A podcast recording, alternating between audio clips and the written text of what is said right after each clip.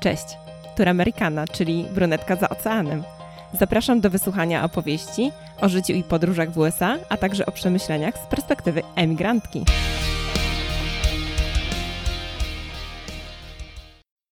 Jedzą, piją, lulki palą, tańce, hulańce, swawole. Ledwie karczmy nie rozwalą. Którą polską imprezę mogłabym opisać takimi słowami? No chyba nie ma co do tego wątpliwości. Imprezę, która jest chyba bliska sercu prawie każdego Polaka, bo albo chociaż raz w życiu na niej był, albo grał na niej główną rolę. Tak jak i mnie się to przydarzyło. Grałam główną rolę, ale za oceanem.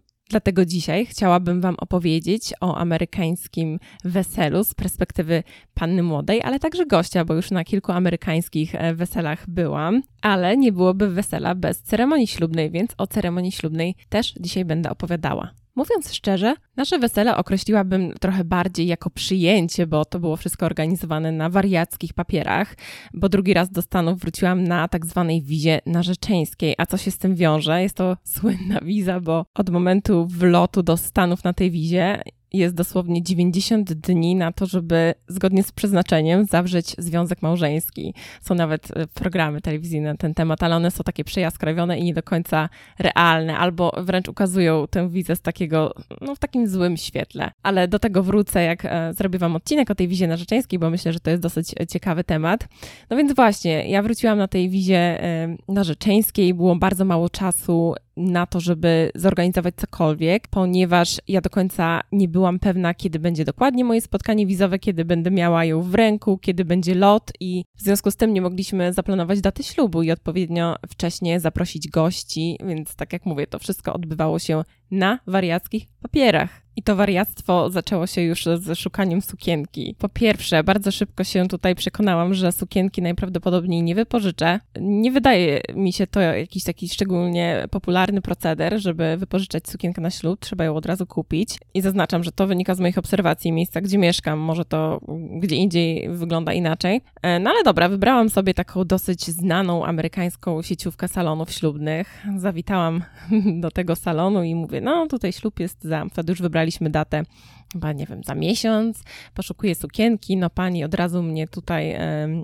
schłodziła, że no to już raczej trzeba wybrać coś, co jest na stanie, co jest, no, oczywiste, tak? Ale przypominając moją naturę bycia trudną w podejmowaniu decyzji, no to w mojej głowie, w moim mózgu pojawił się jakiś taki dodatkowy płat odpowiedzialny za funkcje stresowe. Taki bonus stresowy. No więc nie było łatwo, ale czas gonił i w końcu przy drugich przymiarkach wybrałam sukienkę, która nie była do końca w moim rozmiarze, ale pani podeszła do mnie i mówi: Słuchaj, nie mamy za dużo czasu, ale mamy wystarczająco czasu, żeby zrobić jeszcze te przeróbeczki, więc wszystko będzie cacy, odeślemy, ona wróci i, i będziesz ready to go. No więc ja zachocona podjęłam decyzję, zabiły dzwony w sklepie, wszyscy klaskali, podeszłam do kasy, zapłaciłam, przejechałam kartą kredytową, jeszcze wtedy się częściej przejeżdżało. No teraz już z chipa się częściej korzysta, tak nie było na początku. No i wszelkie sprzedaże ślubne są już takie końcowe. Nie można zwrócić produktów, jak to w odróżnieniu do wielu innych polityk, jeżeli chodzi o oddawanie produktów w Stanach. Sektor ślubny rządzi się swoimi prawami. No i wtedy ja się dowiedziałam, że oczywiście będą przeróbki, będę miała, uwaga, dwa spotkania tylko, bo na to też jest limit. I te przeróbki mają oddzielny cennik, który nie jest wliczony w to, co przed chwilą przejechałam kartą kredytową. Więc każdy guziczek, każda zaszeweczka będzie mnie dodatkowo kosztowała, cokolwiek chcę zmienić. Tak naprawdę, jakby się okazało, że ktoś miałby bardzo dużo przeróbek, to mogłoby się okazać, że przeróbki będą droższe niż sama sukienka. Więc domyślacie się, że ten, e, ten płat stresowy to w ogóle się rozpadł na kawałki. Pojawił się taki prawie grzyb atomowy stresowy. No, najważniejsze, że to już miałam ze sobą. Mój mąż miał znacznie łatwiej, bo okazuje się, że wypożyczenie całego zestawu ślubnego dla mężczyzny to nie jest problem i można sobie znaleźć i wybierać w czym się tylko chce. Moje wesele nie było takie typowo amerykańskie, czyli nie miałam dziesięciu druchen. Bo jak są dodatkowe druchny, to też z tego, co słyszałam, często jest tak, że wiecie, to wszystko tak pięknie wygląda, ale druchny też się tam denerwują, jak panna młoda mówi, no kupcie sobie tam e, różowy, sino-papuciasty kolor butów, do tego mm, sukienkę w kolorze zorzy polarnej. No, no, nie wiem, no jakieś takie wymysły, przez które później dziewczyny wydają dużo pieniędzy na te stroje i one tak jakby nie pasują na nic innego. Więc to tak, z tego co wiem, też czasami rodzi ślubne stresy tego typu. Takie słyszałam głosy i frustracje ze strony niektórych moich amerykańskich koleżanek, ale to też e, podobnie wygląda po tej męskiej części, czyli pan młody wybiera miejsce, gdzie świadkowie powinni wypożyczyć swoje garnitury, smokingi, żeby one wszystkie wyglądały tak samo. No i często właśnie ci świadkowie muszą też ponieść koszt wypożyczenia takiego ubrania. No i my szczególnie nie chcieliśmy kreować takich frustracji, żeby tutaj e, ludzie musieli załatwiać sobie rzeczy tak szybko, w tak krótkim czasie, więc zdecydowaliśmy, że po prostu z tego e, zrezygnujemy. Ale powiem Wam szczerze, że mi się to bardzo podoba, ten sznur druchen i świadków i tak jakbym miała więcej czasu, to myślę, że też bym tak chciała i myślę, że gra by była warta świeczki i dodatkowego małego stresu. Jedną z takich rzeczy, która mi się niesamowicie podoba, jeżeli chodzi o amerykańską ślubną ceremonię, to jest to, że ślubu nie musi Wam udzielać urzędnik państwowy. Taką licencję do udzielania ślubu może sobie zrobić zwykły człowiek. E, no i są takie specjalne strony, na których ludzie ogłaszają się i podają swój cennik. W naszej okolicy to było mniej więcej 500 chyba dolarów. No i wtedy z taką osobą się ustala mm, na przykład spotkanie zapoznawcze i wtedy y, daje się tak jakby scenariusz własnej ceremonii, czyli można sobie tam napisać, co się chce. Nie ma takich wyznaczonych sztywnych reguł w stosunku do tego, jakie regułki musimy wypowiadać, y, zawierając związek małżeński. Sąd podaje na swojej stronie taki szkic, jakby to mogło wyglądać i co można powiedzieć, ale nie jest to wymagane. Nikt tego nie przychodzi i nie sprawdza, jak to się faktycznie odbyło. Więc tak naprawdę możecie być producentami i scenarzystami swojego własnego ślubu. To mi się bardzo podobało. My również skorzystaliśmy z tej wolności, bo jak poszliśmy pierwszy raz do sądu, bo to w sądzie się wszystko załatwia, nie ma takiej instytucji Urzędu Stanu Cywilnego, no to dowiedzieliśmy się, że sąd pracuje tylko od poniedziałku do piątku i taka ceremonia to może być dla małej garstki osób. I mimo, że już tego dnia wybraliśmy datę, w czwartek i zapłaciliśmy za nasz certyfikat małżeństwa, to jednak też zostaliśmy poinformowani, że możemy to zmienić i wtedy wystarczy telefon do instytucji, no i podajemy informacje i też e, w to tam nikt nie wnika, e, tak długo jak ślub wciąż zostanie zawarty na terenie e, naszego county, czyli hrabstwa. I później musimy przyjść właśnie z podpisem i z odpowiednim formularzem wypełnionym przez osobę, która tego ślubu będzie nam udzielała. Tak jak wspomniałam, też poszliśmy tą niestandardową drogą i wybraliśmy kogoś, ale nie obcą osobę, tylko kogoś zaufanego, kto nas dobrze zna. E, był to ojciec mojego męża, najlepszego przyjaciela, który jest taką osobą e, postawną, e, no, trzy metry bez kapelusza. Były Marin, więc stwierdziliśmy, że będzie dobrze wyglądał, bo my oboje jesteśmy dosyć wysocy, więc potrzebowaliśmy kogoś, wiecie, takiego wyrastającego ponad tłum, wyróżniającego się na piedestale. Do tego wiedzieliśmy, że on jest takim dobrym mówcą. W ogóle mam wrażenie, że Amerykanie nie mają takiego stresu przed przemawianiem publicznym, przynajmniej tych, których znam. Być może już w szkole są uczeni tego i dlatego tak świetnie sobie później radzą. E, więc on się świetnie wpasował. No i słuchajcie, tutaj fajna ciekawostka. Jako podziękowanie wręczyłam mu polską wódkę żubrówkę. A dlaczego? Tak jak wspomniałam, jest to był Marin. On też, y, tak jak mój teść, większość swojego, swojej kariery zawodowej spędzili za granicą, służąc krajowi w różnych instytucjach rządowych i militarnych. Y, także spędzili dużo czasu przy ambasadach w różnych krajach i ten przyjaciel naszej rodziny w pewnym momencie stacjonował na Islandii. I tam na Islandii poznał Polaków, którzy przedstawili go w słynnej polskiej żubrówce. Jego żona, która jest osobą taką niewyobrażalnie elegancką, jak stoisz przed nią i z nią rozmawiasz, to masz wrażenie, że od razu trzeba zachowywać się inaczej i ważyć słowa. Jak ona mówiła o tej wódce. Słuchajcie, to nikt tak pięknie nigdy nie mówił o żubrówce. Ja jeszcze im poleciłam, że u nas w Polsce to jest bardzo popularne, żeby tę wódkę pić z sokiem jabłkowym, ale oni nie. Oni sobie nalewali z lodem, delektowali się. Coś pięknego. Kolejną rzeczą, którą można spersonalizować podczas ceremonii ślubnej, są przysięgi. Na pewno nieraz widzieliście na filmach te długie przysięgi, wylewane łzy, nietypowe poematy. No oczywiście ja z, tego, z tej opcji też skorzystałam. Takiej przysięgi nie trzeba uczyć się na pamięć, więc można sobie wydrukować na kartce i przeważnie świadkowa i świadek mają w swoich kieszeniach gotowe do akcji w odpowiednim momencie. Ja byłam trochę zestresowana tym momentem, bo już pomijając to, że łzy ze wzruszenia cisnęły mi się do oczu, no to sobie tak myślę, Boże, drugi język, żeby tam nic nie poprzekręcać, nawet jak czytam. E, no i byłam tak skupiona na tym, żeby to poprawnie przeczytać, że jak nadszedł mój moment, to jakoś ten stres i łzy odeszły i ja byłam skupiona na tym, żeby wystąpić. Czyli zamiast przysięgać mojemu mężowi, to ja bardziej czytałam ten swój poemat, który przygotowałam na zasadzie takiego występu. E, no i czytałam za skupieniem ten poemat, który składał się między innymi z fragmentu z mojego, mm, z jednego z moich ulubionych seriali, który namiętnie oglądałam podczas studiów, czyli Grey's Anatomy, chirurdzy. Tam zawsze była taka wstawka na początku i na końcu, takie bardzo mądre myśli, które mi się podobały i wyciskały łzy z moich oczu. No ja tam, wiecie, rozwinęłam się na temat atomów, które po mojej śmierci nawet będą y, szukały tych atomów mojego męża, więc tak, to było bardzo dramatic. Ale jeżeli chodzi o całokształt, to naprawdę tak mi się to podoba, że można sobie spersonalizować całą ceremonię. Zachowaliśmy tylko ten taki moment słynny, gdzie tam się odpowiada I do, więc to było użyte ze strony sądowej, a reszta Go with the flow. Jedną z głównych rzeczy, która odróżnia polskie wesele od amerykańskiego, jest długość jego trwania. Z mojego doświadczenia, wesele amerykańskie trwa średnio 4 godziny. I można by pomyśleć, że okej, okay, moje przyjęcie było nieco skromniejsze i mniejsze, no to 4 godziny okej, okay, ale nie, byłam na takich weselach, które były o wiele pokaźniejsze i było na nich o wiele więcej osób i one też bardzo szybko się kończyły. No i teraz tak, mamy gości przybywających z różnych stanów, Czasami może być to nawet 6 godzin lotu. No i co z tymi gośćmi? 4 godziny imprezy i co? Do domu? Lot do domu? No nie. Robi się czasami imprezę po imprezie. Ja miałam wesele takie y, w czasie lunchtime, czyli o godzinie 12, skończyło się około 16, a mój teść zorganizował ciąg dalszy, imprezę wieczorową na bakiardzie. Były rozstawione stoły przykryte obrusami, wszystko elegancko.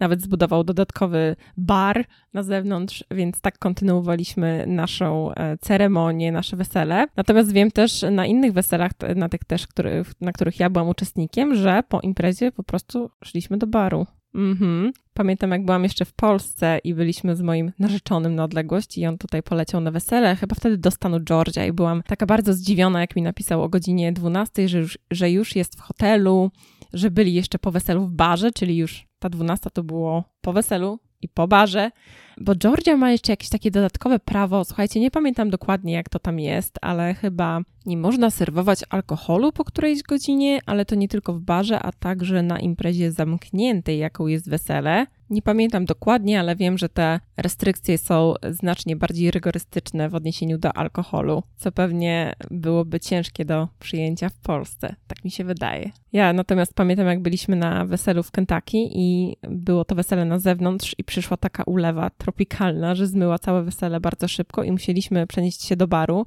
a młodzi wybrali taki bar, jaki ja pamiętam jeszcze y, za czasów chyba liceum. Taką byle jaką piwiarnię, wiecie, z bilardem, z rzutkami, z jakimiś tam piłkarzykami. Czułam się tam odstawiona ponad stan w tym barze, więc to dosyć ciekawe doświadczenie. Myślę, że nie muszę już dodawać, że poprawiny nie istnieją. Już przeważnie następnego dnia poranku wszyscy goście są w samolotach do domu. Jedyne, co przedłuża amerykańskie wesele, to jest tak zwany rehearsal dinner. To oznacza kolację dzień przed ślubem, na której spotykają się najbliżsi, czyli najbliższa rodzina i świadkowie na przykład. No i to tak jak widzicie często na filmach, po prostu jedzą, piją, wznoszą toasty i tak to wygląda.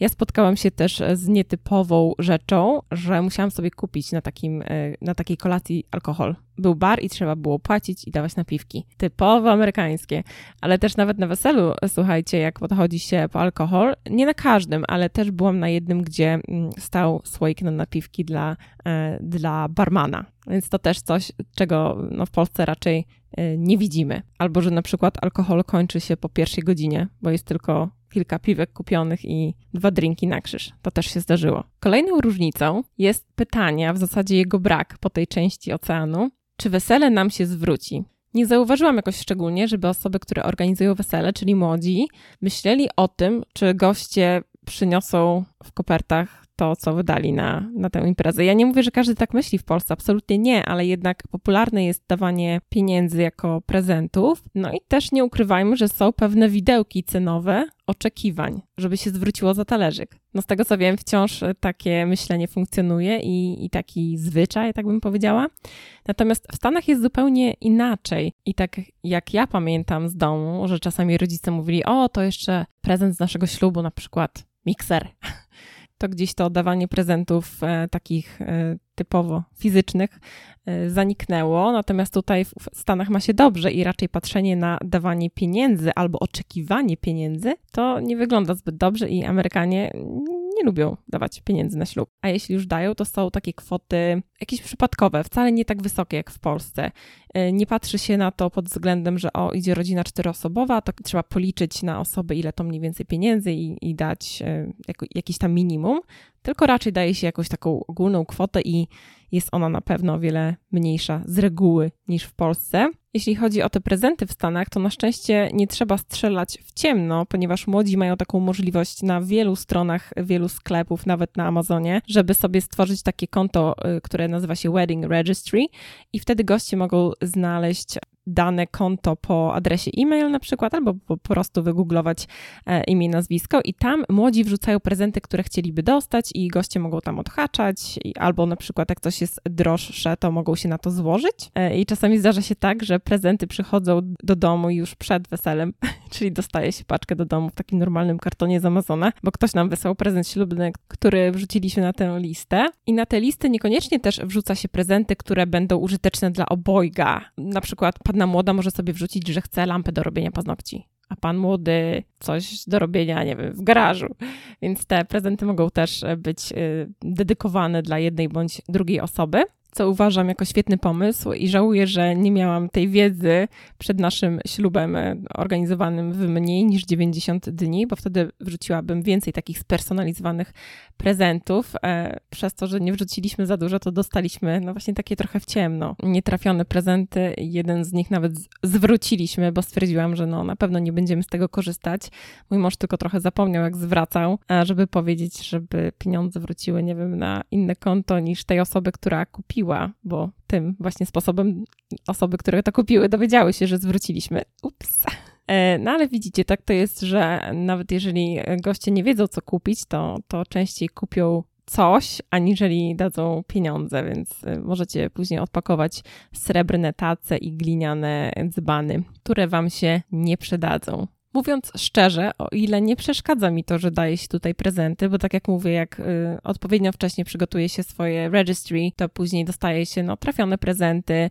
Nie przeszkadza mi też to, że prezenty pieniężne, jeżeli są, to są niższe, bo uważam, że takie wyznaczanie widełek w Polsce czasami może blokować niektóre osoby przed wybraniem się na ślub, a przecież to nie o to chodzi. Myślę, że mm, lepiej, żeby ta osoba przyjechała, dała skromniejszy prezent i czuła się komfortowo i, i mogła przyjechać i sobie pozwolić na to wesele, bo uważam, że naprawdę czasami z tego, co słyszę, koszta i oczekiwania w Polsce są ogromne. To z drugiej strony w Stanach zdarza się też, że ludzie przychodzą zupełnie z niczym. I już w tę stronę to wydaje mi się to nieco szokujące, bo sama nigdy nie wybrałabym się na taką imprezę bez niczego. I z uwagi na to, że tutaj no, nie ma tych widełek cenowych i minimalnych kwot, które wypada wręczyć i jest to ok, żeby pójść na wesele i kupić komuś, nie wiem, toster za 20 dolka, to jednak bez niczego to tak trochę mi się wydaje mimo wszystko, że no nie wypada. I teraz w związku z prezentami jest jeszcze jeden zwyczaj, i to nie dotyczy tylko wesela, to dotyczy też innych imprez, e, w których brałam udział, a mianowicie po weselu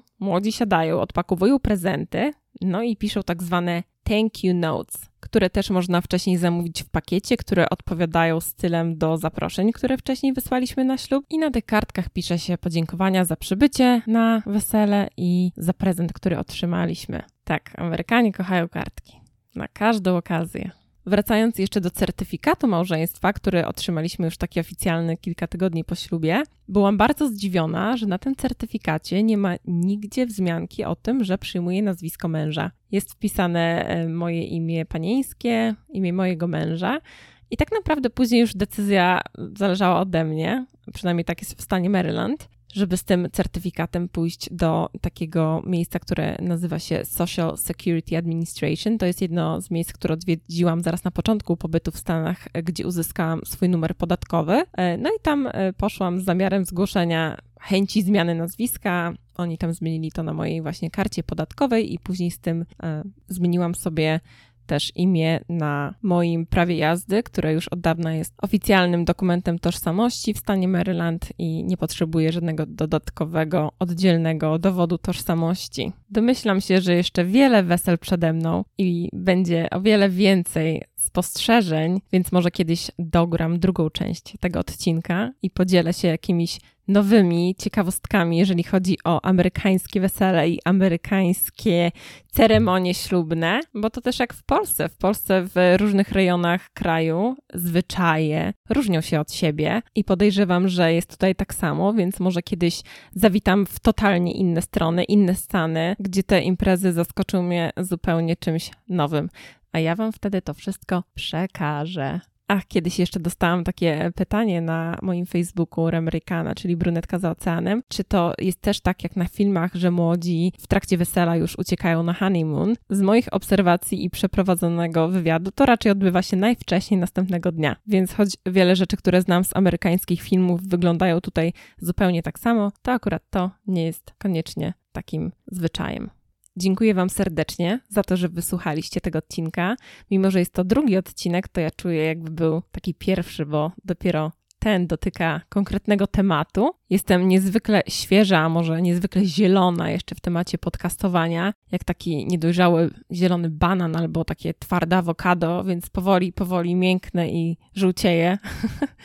Ale już na tym moim zielonym początku jestem bardzo podekscytowana, że mogę w taki sposób mówić Wam o swoich doświadczeniach, przeżyciach, e, aniżeli jak dotychczas tylko e, wyrażać to słowem pisanym, ponieważ pisząc tyle myśli, które mam w głowie. Zajmowało to wiele stron i robiła się z tego epopeja rozmiaru listu, który Rachel napisała do Rossa w serialu Przyjaciele. Jestem ogromnym fanem tego serialu. I niestety, dla tych, co nie wiedzą, Ross nie był w stanie dokończyć czytania tego listu i wydaje mi się, że też e, niektórzy czytelnicy, którzy trafiają na mojego bloga, może nie byliby zainteresowani, żeby dobrnąć do końca moich epopei. Dlatego jestem bardzo podekscytowana, że mogę tutaj wypowiedzieć tyle myśli, ile chcę, bo z doświadczenia wiem, że łatwiej w dzisiejszych czasach znaleźć czas na to, żeby czegoś posłuchać, aniżeli czytać e, wszystkie treści, którymi zalany jest internet. Pozdrawiam Was za oceanu i życzę Wam wspaniałego początku wiosny.